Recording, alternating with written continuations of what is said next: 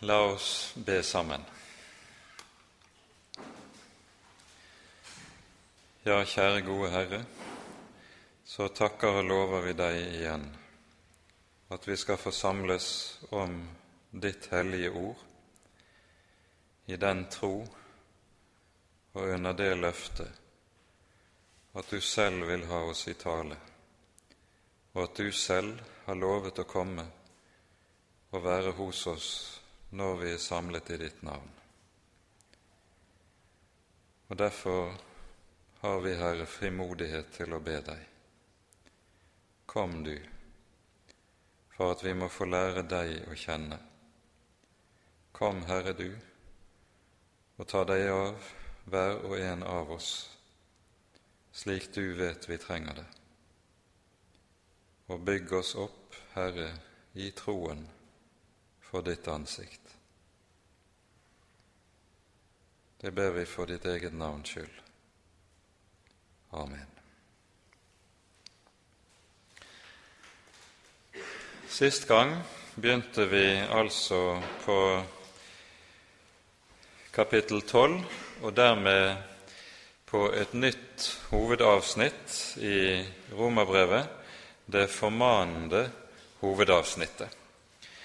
Og vi stanset da opp for de to første versene i det tolvte kapittelet, der vi finner så å si det som er den grunnleggende formaning, eh, det som styrer hvorledes vi skal oppfatte alt det øvrige som eh, kan benevnes som formaningstale i dette brevet. Og for øvrig i troen ellers. Og eh, vi gjør det nå slik at vi leser de åtte første versene her i Romerbrevet. Vi tar med de to første også, for sammenhengen sin skyld.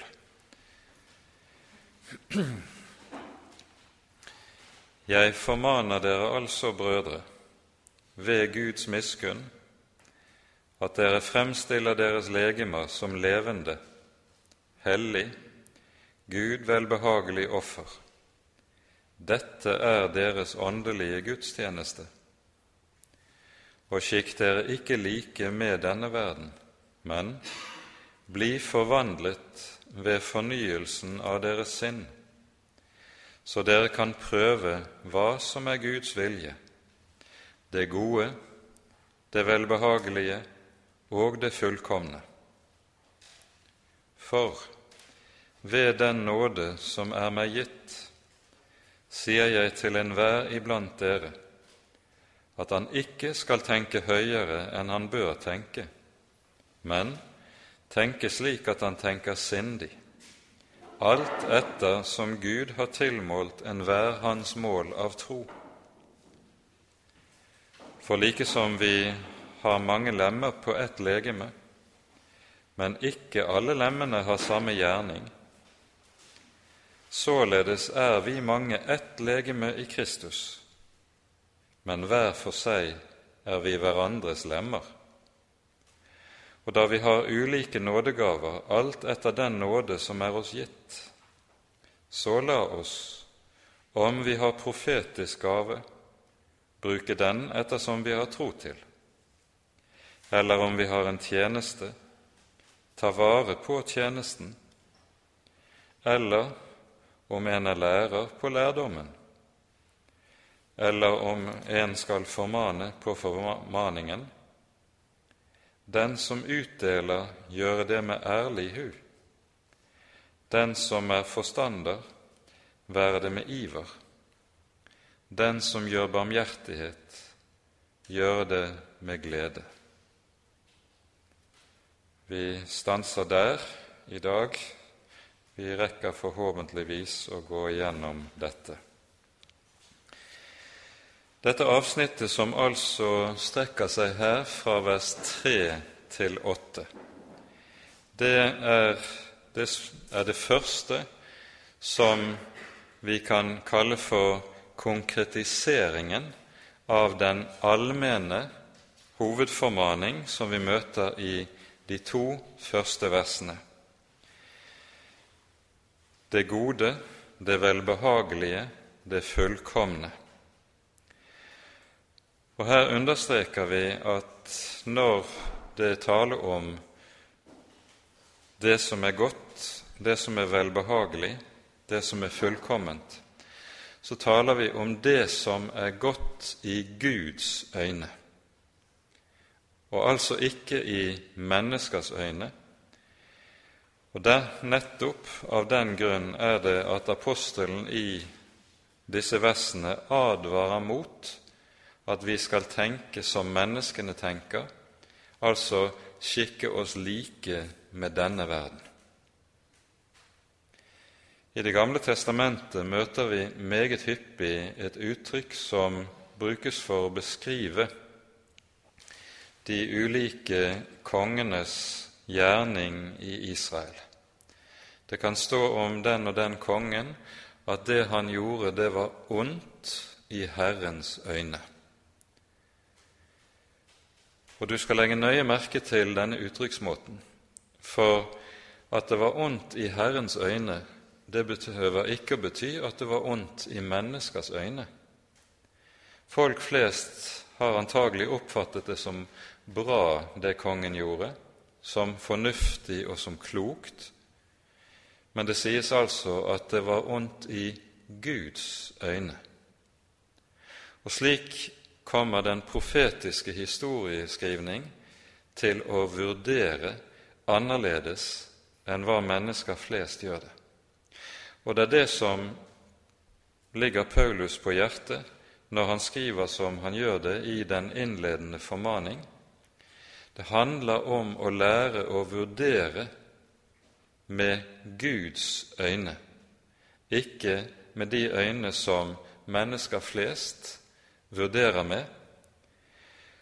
Og det å lære slik å få den nødvendige dømmekraft som vi trenger for de ulike forhold i livet, enten det gjelder livet i menigheten, eller det gjelder vårt, hvert vårt liv eh, enkeltvis her i verden, det er noe som bare kan læres gjennom å bli fortrolig med Guds ord.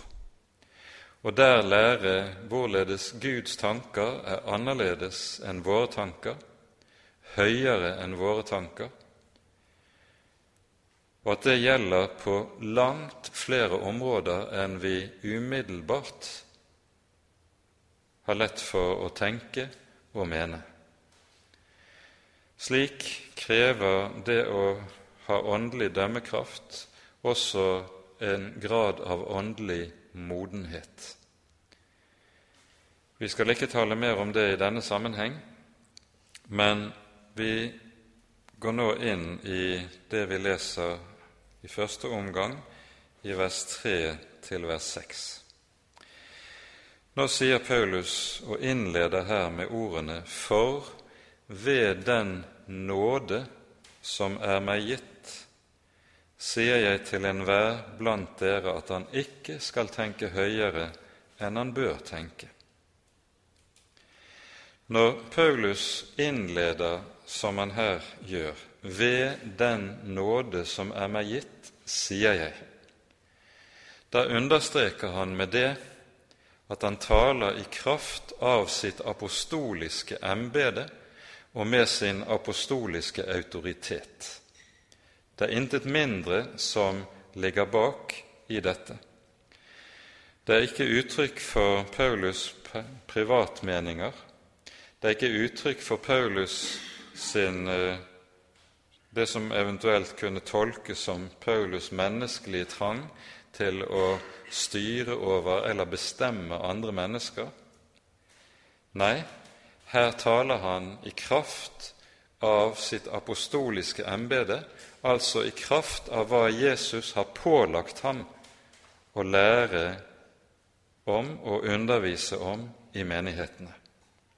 Det er det som ligger i dette uttrykket, og Derfor dukker denne måten å uttrykke seg på en rekke, i en rekke sammenhenger i Det nye testamentet. Allerede i Romerbrevets innledning, i Romerne 1,5, skriver Paulus om sin aposteltjeneste slik ved ham, altså ved Kristus, fikk vi nåde og apostelembete for å virke troens lydighet. Og uh, går vi til uh, Efeserbrevet, finner vi et særlig sterkt uttrykk for dette i Efeserbrevets tredje kapittel. Her uh, hører vi fra vers 1 av i brevet om hvorledes Paulus ber for menigheten. Og så sier han, derfor bøyer jeg mine knær, jeg, Paulus Kristi Jesu fange for deres skyld, dere hedninger. Om dere ellers har hørt om husholdningen med Guds nåde, som er meg gitt for dere, at Han ved åpenbaring har kunngjort meg hemmeligheten, således som jeg ovenfor har skrevet med få ord. Og så fortsetter avsnittet frem til det syvende og åttende vers, der han taler om at det er vist ham en nåde som har satt ham til husholder over Guds nåde. Paulus er tilbake til samme sak også i det 15. kapittel i 1. Korinterbrev. Her sier han slik i det tiende verset, ehm, der han taler om seg selv som en av de aller ringeste i menighetene. Han er bare som et ufullbårent foster, sier han om seg selv, og han er den ringeste av apostlene. Og så sier han, men av Guds nåde er jeg det jeg er. Og Hans nåde mot meg har ikke vært forgjeves, men jeg arbeidet mer enn de alle, dog ikke jeg, men Guds nåde som er med meg. Det er uhyre viktig å legge merke til denne uttrykksmåten, for med det så sier, peker apostelen på at kilden til hans apostelembete ikke ligger i hans rent menneskelige forutsetninger, men i at dette er en nådevirkning fra Herren selv. Det er en virkning av evangeliet i hans eget liv som har ført han til og gjort han til det han er. Av Guds nåde er jeg det jeg er. Og det er dette som altså ligger bak når han kan tale som vi her hører, ved den nåde som er meg gitt, sier jeg dere.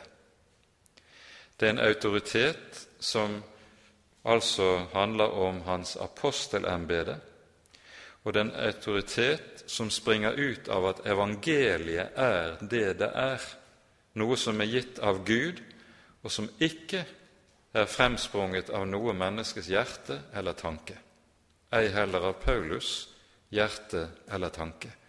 Det er ovenfra.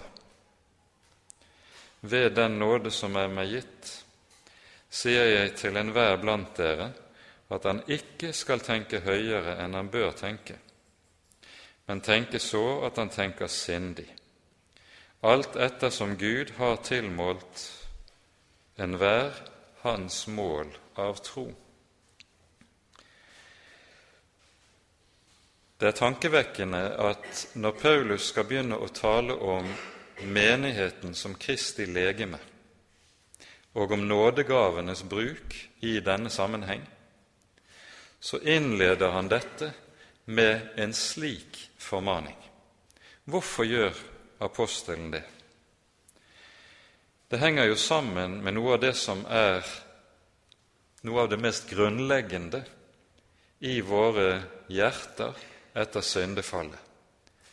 Og det har med selvhevdelsestrangen vår å gjøre. Trangen til å fremheve oss selv på andres bekostning. Og denne trangen ytrer seg i Guds rike ofte også slik at får man en nådegave fra Gud, så bruker man den til å fremheve seg selv at, og peke på at 'jeg er noe særskilt siden jeg har fått en slik nådegave'. Dette ser vi dessverre altfor ofte, noe som hviler nettopp i den menneskelige hybris, den menneskelige overmote, som ligger dypt nedlagt i oss alle. Og der denne, dette overmot, denne trangen til selvhevdelse,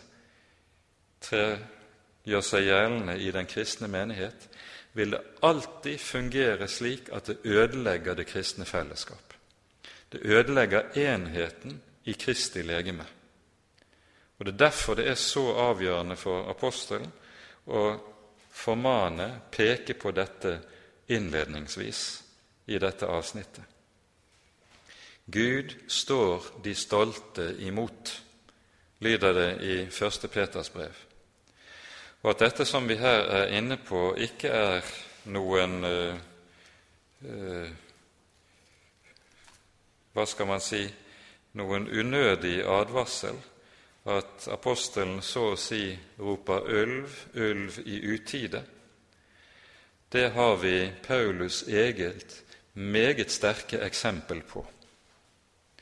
I 2. Korinterbrevs 12. kapittel forteller Paulus om hva han har mottatt fra Herren. Og til noe av det han har mottatt av Herren, så beretter han også om høye åpenbarelser som ikke er blitt noe annet menneske til del. Han har fått lov til å bli rykket inn i den tredje himmel, høre ord fra Gud som han ikke engang fikk lov til å fortelle videre. Og så sier han om nettopp dette fra vers 7 i 2. Korinterbrev vers 12 for at jeg ikke skal opphøye meg av de høye åpenbarelser, er det gitt meg en torn i kjødet, en Satans engel som skal slå meg, så jeg ikke skal opphøye meg. Altså selv han som er apostel, som er så benådet som han er, trenger Guds særskilte stell med seg for ikke å havne i denne grøften at selvopphøyelsen, selvhevdelsen, skal så å si gjøre seg bruk av de Guds gaver han har fått del i.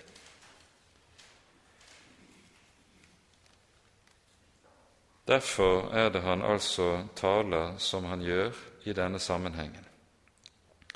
Og så kan vi her minne om det som han sier i en annen sammenheng, i 1. Korinterbrev 4, der han taler om de ulike tjenester og gaver husholderne i Guds menighet har fått. Og så sier han, Hva har du som du ikke har fått?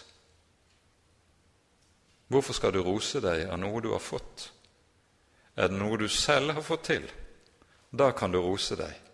Men har du fått det, da har du ingen grunn til å rose deg eller til å hevde deg og fremheve deg selv. Hva har du som du ikke har fått? Og I Lukasevangeliets tiende kapittel der hører vi at Jesus, etter å ha sendt de 70 disipler ut for å forkynne evangeliet rundt om i Galilea, så kommer disse glade tilbake til Jesus og sier, bryter ut når de ser ham, Herre, endog de urene ånder er oss lydige i ditt navn.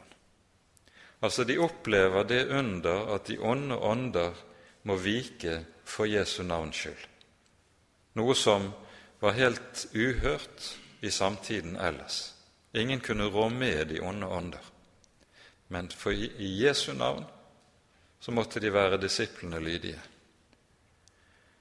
Og Da er det at Jesus kommer med en mild irettesettelse til disse disiplene, som er så glade over at de er brukbare for Jesus. Han sier, 'Gled dere ikke over at åndene er dere lydige', men over at deres navn er oppskrevet i himmelen. Jesus peker altså på hvor det er hjertet skal være vendt. Hva det er som skal være det sentrale og det viktige for hjertet. Ikke min brukbarhet, ikke det at Jesus kan bruke meg selv til store ting i sitt rike. Jeg skal ikke bli stor av den grunn. Nei, min glede skal ligge i at navnet er oppskrevet i himmelen, nemlig for Jesus skyld. Og Det er dette som er det store spørsmålet når vi taler ikke minst om disse ting som vi er inne på når man begynner å tale om nådegavene. Dette er aktuelt i dagens situasjon. Hva er hjertet vendt imot? Hva er hjertet vendt imot? Når Paulus bruker dette uttrykket som står i min oversettelse, enhver skal tenke så han tenker sindig, så er dette et begrep som er meget sentralt i formaningene i Det nye testamentet. Det er tale om en nøkternhet, en edruelighet i og måten man lever på og vandrer på som kristen. Og Derfor ser vi også at det er ganske hyppig i brevene i Det nye testamentet så formanes de troende til edruelighet. Og Med det tenkes det ikke først og fremst på dette som har med avholdenhet fra alkohol å gjøre. Her Bibelen advarer tydelig mot rus og den slags ting. Men når apostelen taler om den åndelige edruelighet, så tenker han primært på noe annet. Han tenker på besindighet, edruelighet, nøkternhet, som skal råde i de åndelige saker. Og det er denne sak han også ønsker å hente frem for de troende i denne sammenheng. Det greske ordet som er oversatt med sindig eller besindig, det er sammensatt av to ord eh, på gresk som betyr henholdsvis sunn og det å ha eh, kunnskap. Det dreier seg altså om en sunn eh, dømmekraft i denne sammenheng. Og det motsatte til sindighet, det er et par andre hovedbegreper som vi også kan møte igjen i Det nye testamentet. For det første er det motsatte til besindighet det er det å være overmodig. Det er jo dette apostelen advarer mot direkte i denne sammenheng. Den overmodige, den som hevder seg selv, han tenker høyere om seg selv enn det er grunnlag for i virkeligheten. Altså det er ikke samsvar mellom hans selvvurdering og det som er den faktiske virkelighet. For det annet så står ordet i motsetning til det å ville det, det å ikke være mottagelig for irettesettelse.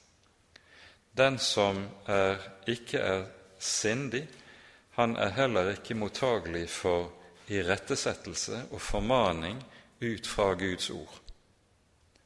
Og Det er også noe av det som kjennetegner mennesker med meget sterk selvbevissthet.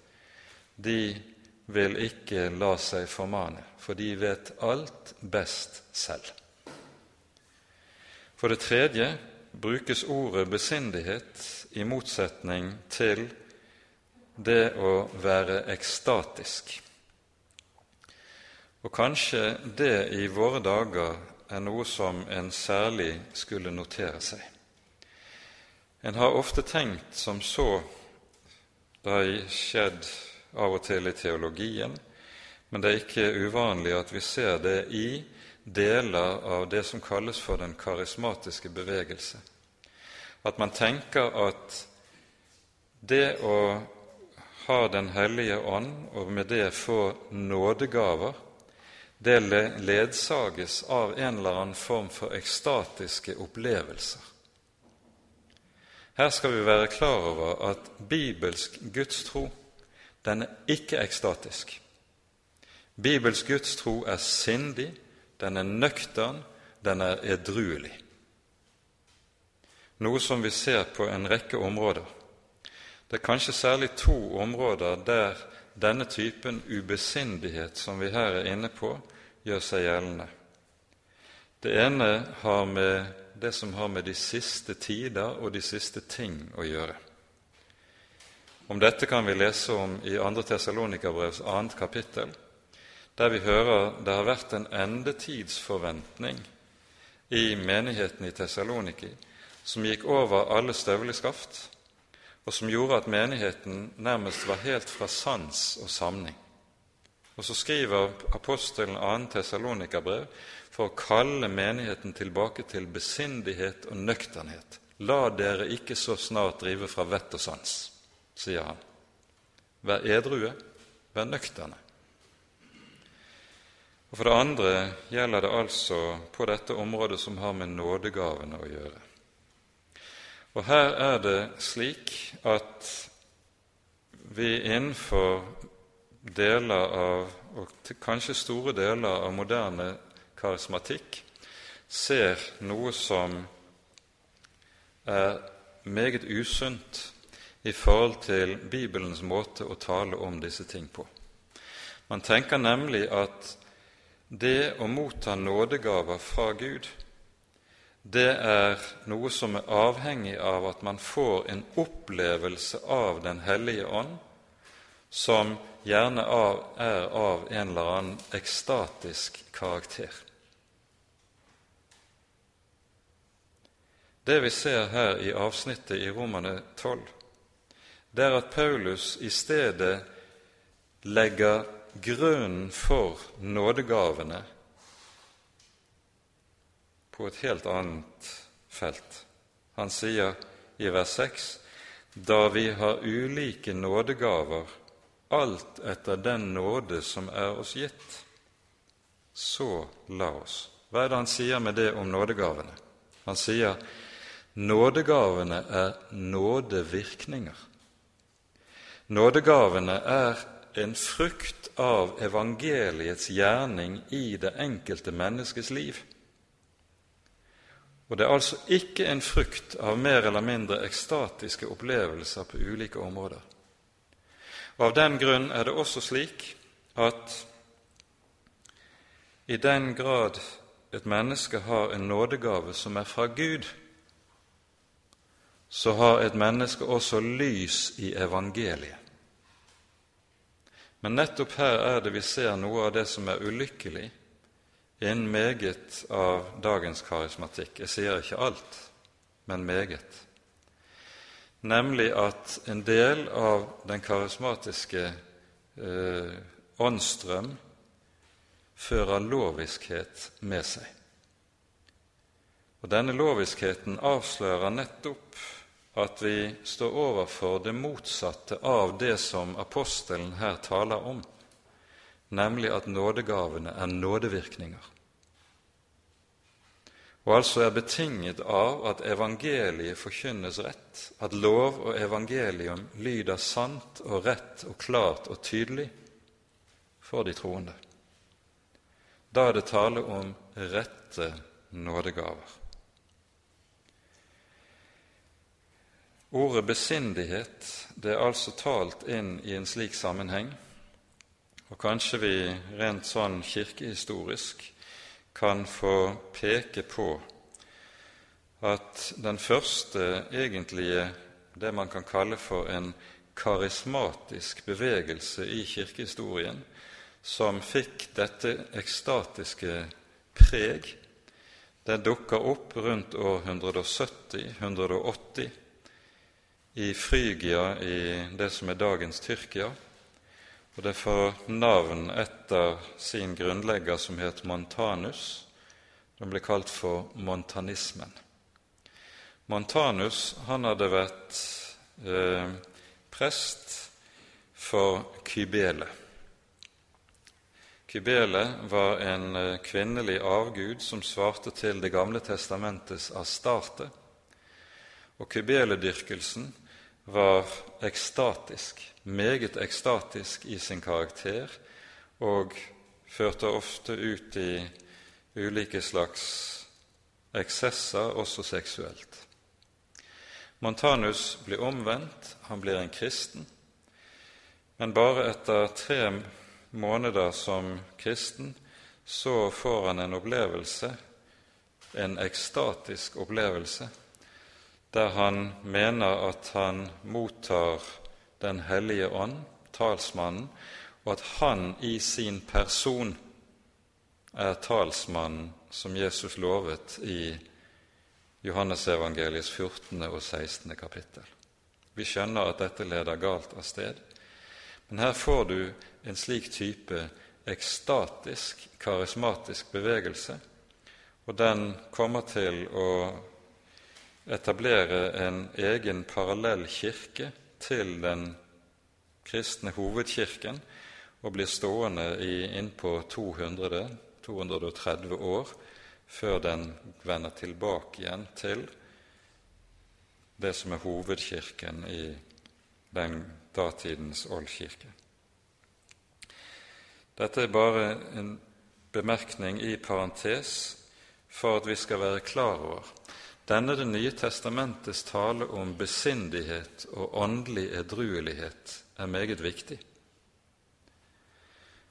For eh, det ekstatiske, hva er det for noe? Det har det med seg at et menneske nettopp er fra seg selv. Det har ikke lenger sine sansers fulle bruk. Ekstasen har det med seg at en så å si suges inn i en egen indre verden, hvor en ikke lenger hører med det ytre øret, ser med det ytre øyet, en lever så å si i en egen indre verden av opplevelser. Mens det som kjennetegner bibelsk tro, det hele veien at Gud taler til oss direkte utenfra.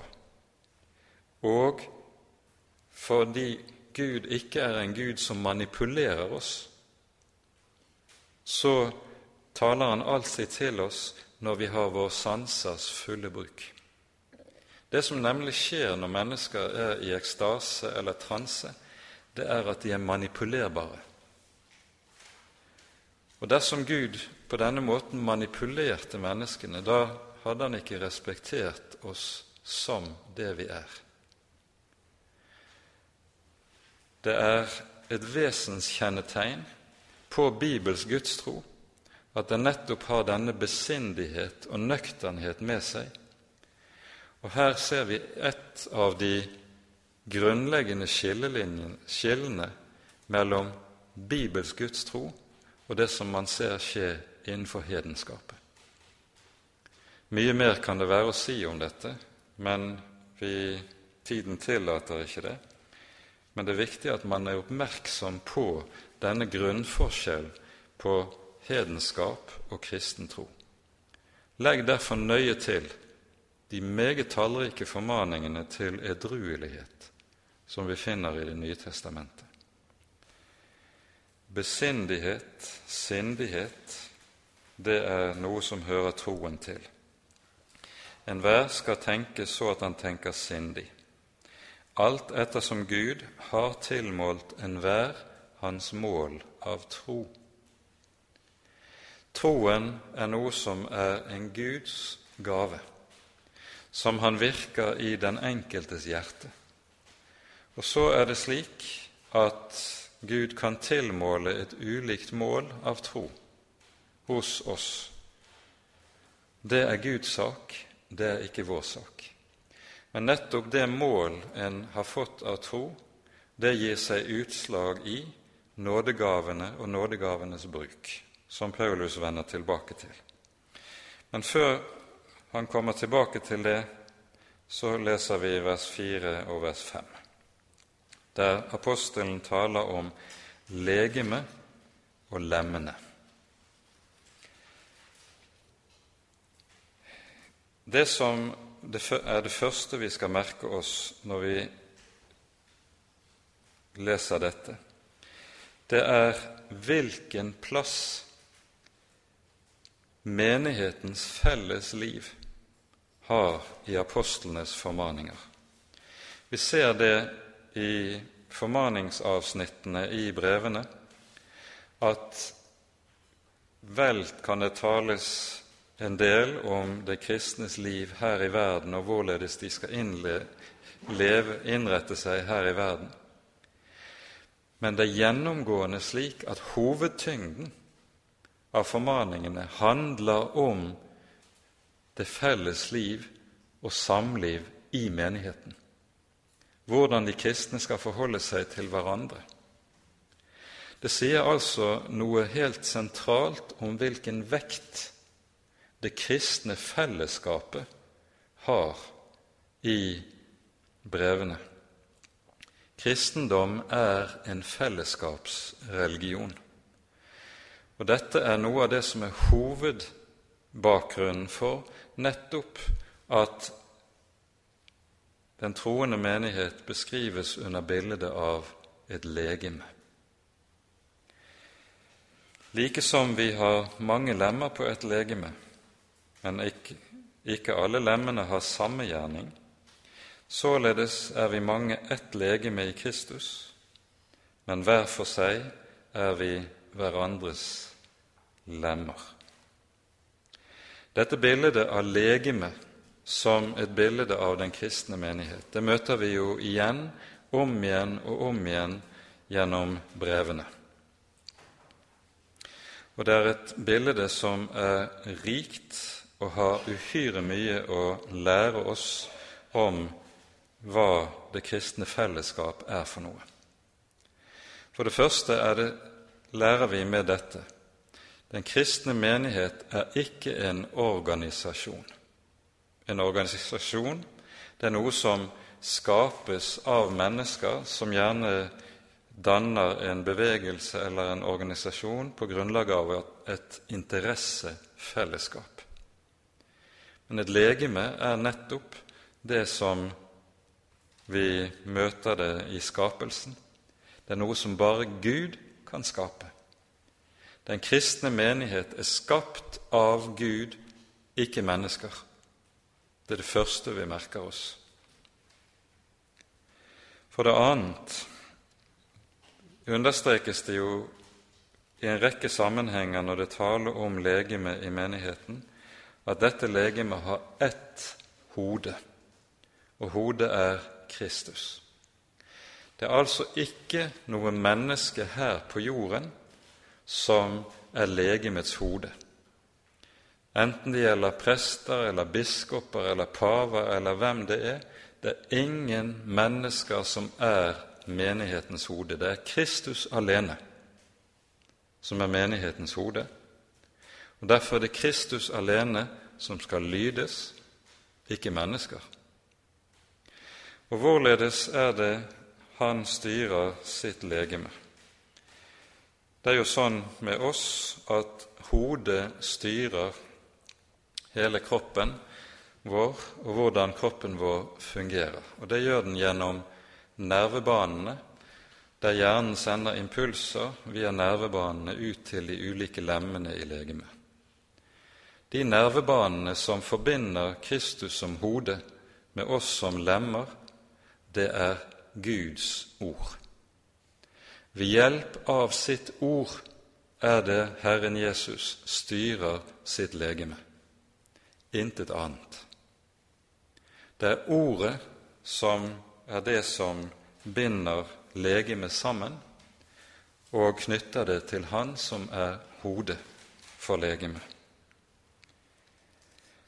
For det tredje når bildet av hodet brukes, hode og legeme brukes, så peker det på at den kristne menighet er ett. Legeme, bildet av legeme understreker enheten mellom de troende mellom Guds folk. I Efeserbrevet 4 sies det ett legeme, én tro, én ånd. Noe som nettopp peker på det samme, og peker på at enheten i legemet finnes der i kraft av at det er én tro, altså den felles tro, som er gitt av den ene og den samme Guds hellige ånd. For det andre peker legemsbildet på at i dette legemet, som er ett, en enhet, der er det et samspill mellom de ulike lemmene. Det er ingen lemmer på kroppen min som begynner med sitt eget solospill, uavhengig av de øvrige lemmene. Om så skulle skje, ville det være tegn på alvorlig sykdom. Og slik skal det også være i Kristi legeme her i verden. Det er ikke en plass for solospill, dvs. Si for egenrådighet og for selvhevdelse. Men det er en plass der vi skal se på oss selv så å si som instrumenter i et stort orkester, der alle sammen skal spille sammen under én dirigent, under én ledelse. Tenk deg at du er på konsert i Bergen Filharmoniske og skal høre en symfoni av Beethoven. Det er jo nettopp samspillet i orkesteret som gjør dette til noe som er verdt å høre på. Om hornet, en av disse som spiller horn, skulle finne ut at nå har jeg lyst til å spille solo midt inne i hele symfonien, så vet vi hvordan dette ville gå. Det fungerer ikke. Og det er denne måten å tenke på som ligger bak i legemsbildet. For det tredje skal vi også understreke at i bildet av legemet så ligger det også en tale om at her er det et sted der alle troende hører hjemme. Paulus skriver til enhver. Og han sier også om de troende at enhver har en nådegave. Nådegavene er ulike og forskjellige, men dette er noe som enhver har. Og Dette lærer oss at alle troende i legemet har et likeverd. For om nådegavene er forskjellige, så er alle sammen likevel plassert på legemet og nødvendige for fellesskapet i legemet. Her er ikke mann eller kvinne, trell eller fri, jøde eller greker, kan Paulus si i en sammenheng. Og det er nettopp tale om hvorledes de troende er like verdige for Gud. Vi er ulike i gaver, ulike i utrustning, men dog like verdige. For det fjerde skal vi peke på at når bildet av legeme anvendes, så er det dermed også gitt at det forutsetter at det er en orden i menigheten. Noe som apostelen jo er inne på i en rekke sammenhenger. I første Korinterbrev, i det 14. kapittel, hvor det taler om menighetens gudstjenester, der det ser ut til at det tidvis har truet litt av et kaos under gudstjenestene i Korint, så gir Paulus klare forskrifter for hvordan disse gudstjenestene skal foregå. Så sier han i vers 33 i kapittel 14.: Gud er ikke uordens Gud, men freds Gud. Til en annen menighet, menigheten i Kolosset,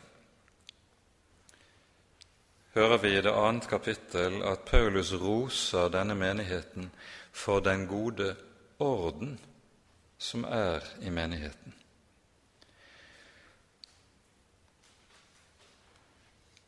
Dette er en del av de ting som ligger i selve legemsbildet, og som vi skal notere oss og som er nytestamentlige anliggender å understreke.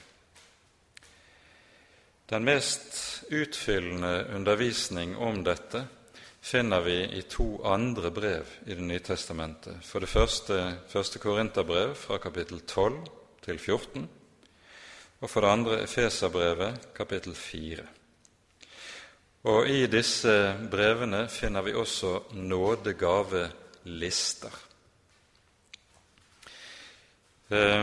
Det som kjennetegner nådegavelisten her i Romane 12, til forskjell fra nådegavelisten i 1. Korinterbrev 12, det er at i Romane 12 finner vi ikke noen av de gaver som vi gjerne kaller de ekstraordinære nådegaver nådegave til å helbrede, til å gjøre kraftige gjerninger eller til å tale med tunger, det omtales ikke i Romerbrevet 12.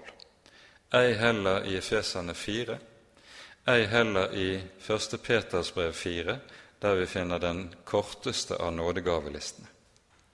De ekstraordinære gavene omtales kun i første kor 12, mens vi ser i de øvrige nådegavelistene, er disse ikke nevnt med en stavelse. Dette skal lære oss noe ganske bestemt. For det første nådegavenes tall er ikke begrenset og angitt bestemt. Nådegavenes tall de kan for så vidt være like tallrike som det er troende i en forsamling. Og nådegavene behøver ikke å være såkalte ekstraordinære gaver som er spektakulære, sensasjonelle, vekker oppmerksomhet fordi de tilsynelatende går på tvers av det mennesker mener er naturlig mulighet for ut fra naturlovene, f.eks. Problemet med nådegavelisten i første kor 12 er jo ikke listen i seg selv, men måten den har blitt lest på de siste hundre årene. Man leser det slik at man likesom oppfatter de ekstraordinære gavene som det viktigste av alt. Tenk om vi kunne ha nådegave til undergjerninger. Hvor vidunderlig ville ikke det være? Hvor mye folk ville da ikke strømme sammen? Og ikke minst i vår tid er dette noe som appellerer særlig sterk grad til mennesker, fordi mennesker er opptatt av at de går der hvor det skjer noe. Og hvis det er undergjerninger, ja, da kan man si at det skjer noe. Men er det et bibelsk kriterium på at noe er sant? noe er bibelsk, at noe er rett? Aldeles ikke. Det viser at mennesker, og veldig ofte troende mennesker, er fanget inn av en gal måte å bedømme ting etter. Man bedømmer ting etter deres sensasjonsverdi, ikke etter hvorvidt det er noe som er sant og rett etter Guds ord. Så går man der hvor det skjer noe der hvor det er action, men ikke der hvor det er kjedelig. For det er jo dødslinjen ved den predikant som får det hengende ved seg at han er kjedelig. Men er det, det sant, det som forkynnes? Det er jo det som er spørsmålet, ikke om det er action. Er det Guds ord som forkynnes? Det er det som er spørsmålet, ikke om det skjer noe. Dette skal minne oss om at vi skal øve oss i å stille spørsmålet til oss selv. Hva er det jeg ser etter når jeg søker en kristen forsamling? Søker jeg etter å finne et sted der Guds ord forkynnes sant? Eller søker jeg bare etter et sted der hvor det er action?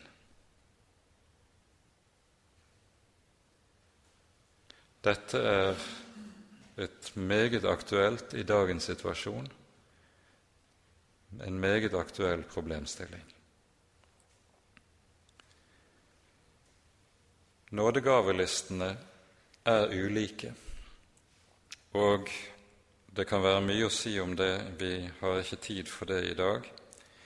Men vi legger merke til at de nådegavene som apostelen her nevner i Romerbrevet kapittel 12, det er ikke nådegaver som kan kalles for ekstraordinære nådegaver, dvs. Si gaver som for det ytre øyet ser ut som de går på tvers av naturlovene. Men selv om de ikke er ekstraordinære gaver, er det slik at så sant det er nådegaver, så er det noe som er virket av Guds nåde, og altså noe som er av Gud, ikke av mennesker. Og det er viktig å være oppmerksom på. Da vi har ulike nådegaver, alt etter den nåde som er oss gitt. Evangeliet har gjort sin virkning i et enkelt troende menneskes hjerte. Og så har det skapt noe i den troendes hjerte. Det at evangeliet har fått funnet jordbunn, har fått spire og gro. Og så kommer det ut i en nådegave. Hos den ene kan det føre til én ting, hos en annen til noe annet. Det vil være forskjellig. Men poenget er det er alltid en følge og en frukt av evangeliet i en troendes liv. Og Dette innebærer at vi må skjelne mellom det vi kaller for nådegaver og naturgaver. Det er ikke samme sak. Et menneske kan som uomvendt fra fødselen av, fra naturens hånd, kanskje være født med store talegaver. Så blir han omvendt, og da vil noen umiddelbart si ja, han som har slike talegaver, han må jo kunne bli en stor predikant. Nei, det er slett ikke sikkert. En naturgave er ikke det samme som en nådegave. Og hvis en naturgave skal kunne bli brukbar i Guds rike sammenheng, så må den helliges. Det vil si at det må to ting til. For det første må vedkommende bli gjenstand for evangeliets gjerning og virkning i sitt eget liv. Og for det andre fører en slik helligelse alltid med seg det som har med Grunnloven i Guds gjerning for hvert enkelt menneske å gjøre. Herren døder og gjør levende.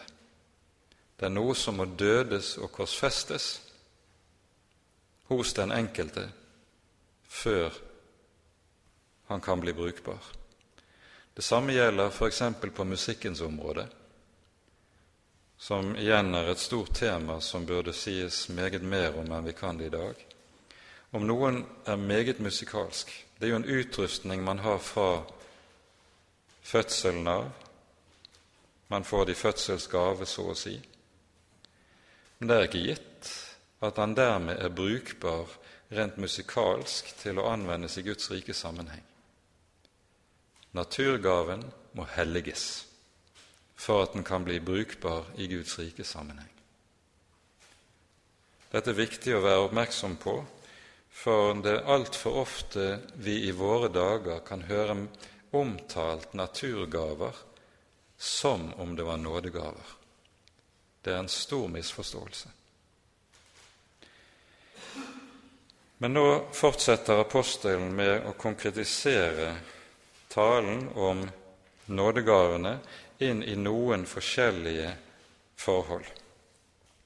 Det han nevner først, det er det som han kaller for profetisk gave og profetisk tale.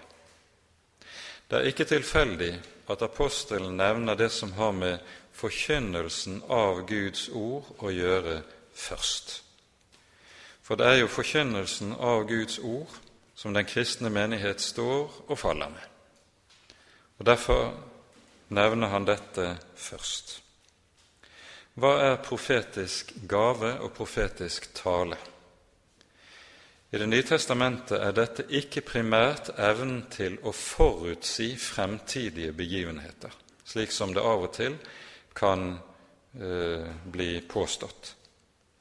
I Det nye testamentet er det en særlig evne til å forkynne Guds ord på en slik måte at det treffer mennesker i hjertet, så de avsløres.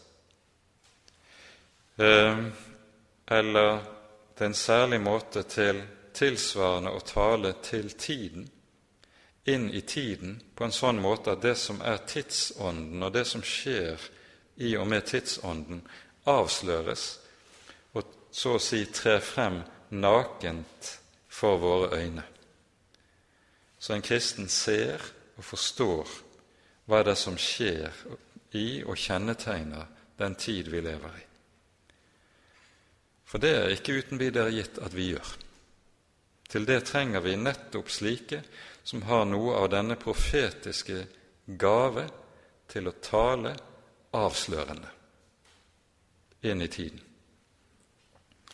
At det er dette som ligger i profetisk tale, det ser vi ikke minst i 1. Korinterbrev 14. kapittel, der Paulus setter opp motsetningen mellom å tale i tunger og det å tale profetisk. Og så sier han i kapittel 14 om en kommer inn, en fremmed kommer inn, og alle taler i tunger hos dere, vil han ikke da si at dere er fra forstanden?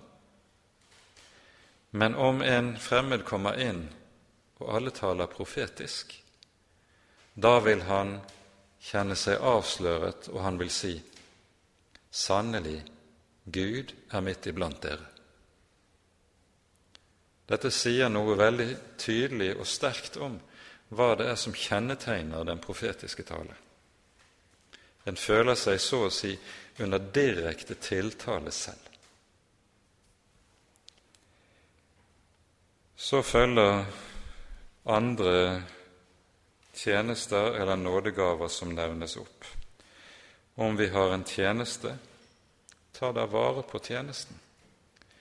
Tjenesten i menigheten kan være alle ting, stor, stort eller smått. Noen tar seg av at der må vaskes. Noen tar seg av at det må stelles i stand på et kjøkken, osv., osv. Jeg husker for min egen del jeg har gjort i min tjenestetid som prest, har jeg opplevd å ha kirketjenere som har gjort sin gjerning i bevissthet om at her i dette huset er jeg i Guds hus. Og fordi jeg gjør tjeneste i Guds hus, så er bare det beste godt nok. Og De stelte med Guds hus på en sånn måte at alt skulle være fint, i den grad de var i stand til å ta hånd om ting.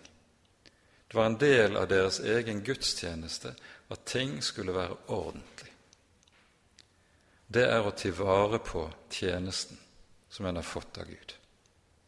Da aner du noe av hva, hvilket sinn som, følge, som følger en rett nådegave. En vet at dette er Guds, og derfor så skal det tas hånd om med omsorg, med omtanke, og ikke bare lettvint og overfladisk, slik at ting ytre sett bare skurer og går. Om en er lærer, han skal ta vare på lærdommen. Den som er lærer i Guds rike, han skal sørge for stadig å arbeide videre med, nettopp læren, som noe som han trenger dypere inn i for selv å kunne vokse i troen, i erkjennelsen, i kunnskapen. For bare slik kan han også gi videre på rette vis. Om noen skal formane, han skal ta vare på formaningen. Den som deler ut, det handler altså om å øve barmhjertighetsgjerninger overfor de som trenger det, på ulike måter. Han gjør det med ærlig hu. ordet som her brukes i grunnteksten og er oversatt med 'ærlig hu', det betyr bokstavelig så betyr det enfoldig. Det vil si uten baktanke om å få noe igjen. Når man hjelper sin neste, skal det ikke være med baktanke om at det er et eller annet som kan tjene mine interesser, som skal føre komme tilbake. Den som er forstander, han skal være det med iver. Å være forstander, det er den som står for og er satt til å lede det større eller mindre deler av menighetens liv og arbeid. Da kan en veldig ofte komme til å få ansvar for ting som kan synes være trivialiteter, som er kjedelige rent menneskelig talt å holde på med. Og så skal han øve seg i å tenke dette er Guds tjeneste, som han har satt meg i, og så skal det gjøres med iver. Også det som tilsynelatende menneskelig talt kan være smått, ubetydelig eller kjedelig. For alt er nødvendig for Herren. Og den som gjør barmhjertighet, gjør det med glede. Det er en type barmhjertighetsgjerninger som man av og til kan støte på, som eh, du kan få fornemmelsen av at de som utfører det, føler det er en plage å skulle gjøre sånt, og at de som de skal hjelpe, de blir en byrde for dem. Da blir den som trenger hjelp, han fratas selvfølelse, han fratas verdighet, og den som er satt til gjerningen, viser ikke den respekt som kjærligheten krever av den enkelte. Den som gjør barmhjertighet, skal gjøre det med glede. Altså ikke som et ork. Uff, kommer du nå her igjen? Dette peker på det sinn som er nådesinnet, og som gjør seg gjeldende så sant det er tale om nådegaver. Nådesinnet er det Jesus har pekt på i Matteus 10,8. For intet har dere fått det, for intet skal dere gi det. Det er det som kjennetegner det. Og Dette er jo noe som går på tvers av hva det gamle mennesket liker, for det vil gjerne alltid ha noe for et eller annet. Det vil alltid ha personlig utbytte av noe. Gjør jeg noe, så skal jeg ha noe igjen for det. Jesus sier, 'For intet har dere fått det, for intet skal dere gi det'. Og det er noe som bare kan læres i nådens skole. Og det er dette Jesus stell med sine disipler handlet om. Når Jesus kaller disiplene, slik vi leser om det i Matteus 4, så skjer det med følgende ord.: Følg meg, så skal jeg gjøre dere til menneskefiskere. Hva var disiplenes sak? Det var å være hos Jesus. Det var å være der Jesus var, følge ham, og med det ta inntrykk av hans ord, hans gjerninger, og gjennom å se og kjenne, lære Jesus å kjenne, så skjer det noe hos dem selv. Følg meg, så vil jeg gjøre dere til. Ingen av Jesu disipler hadde forutsetning for den gjerning som Jesus kalte dem til. Ingen av dem var fra naturens side utrustet for den gjerningen som Jesus kalte dem til. Men Jesus sier, 'Følg meg, vær hos meg, så skal jeg gjøre dere til.' Og det er nettopp det nådegavene er. Det er det at Jesus med sin nåde gjør oss til noe som han kan anvende i sitt rike, som blir lemmer på legemet, og som slik har en plass i Hans rike, i Hans gjerning og i Hans tjeneste. Nådegavene, det er nådevirkninger.